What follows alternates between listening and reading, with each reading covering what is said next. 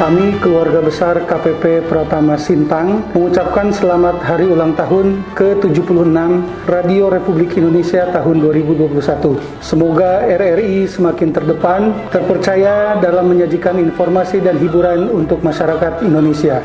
Jayalah selalu Radio Republik Indonesia. RRI tangguh, tumbuh sehat dan kuat, suarakan Indonesia. Kali di udara, tetap di udara.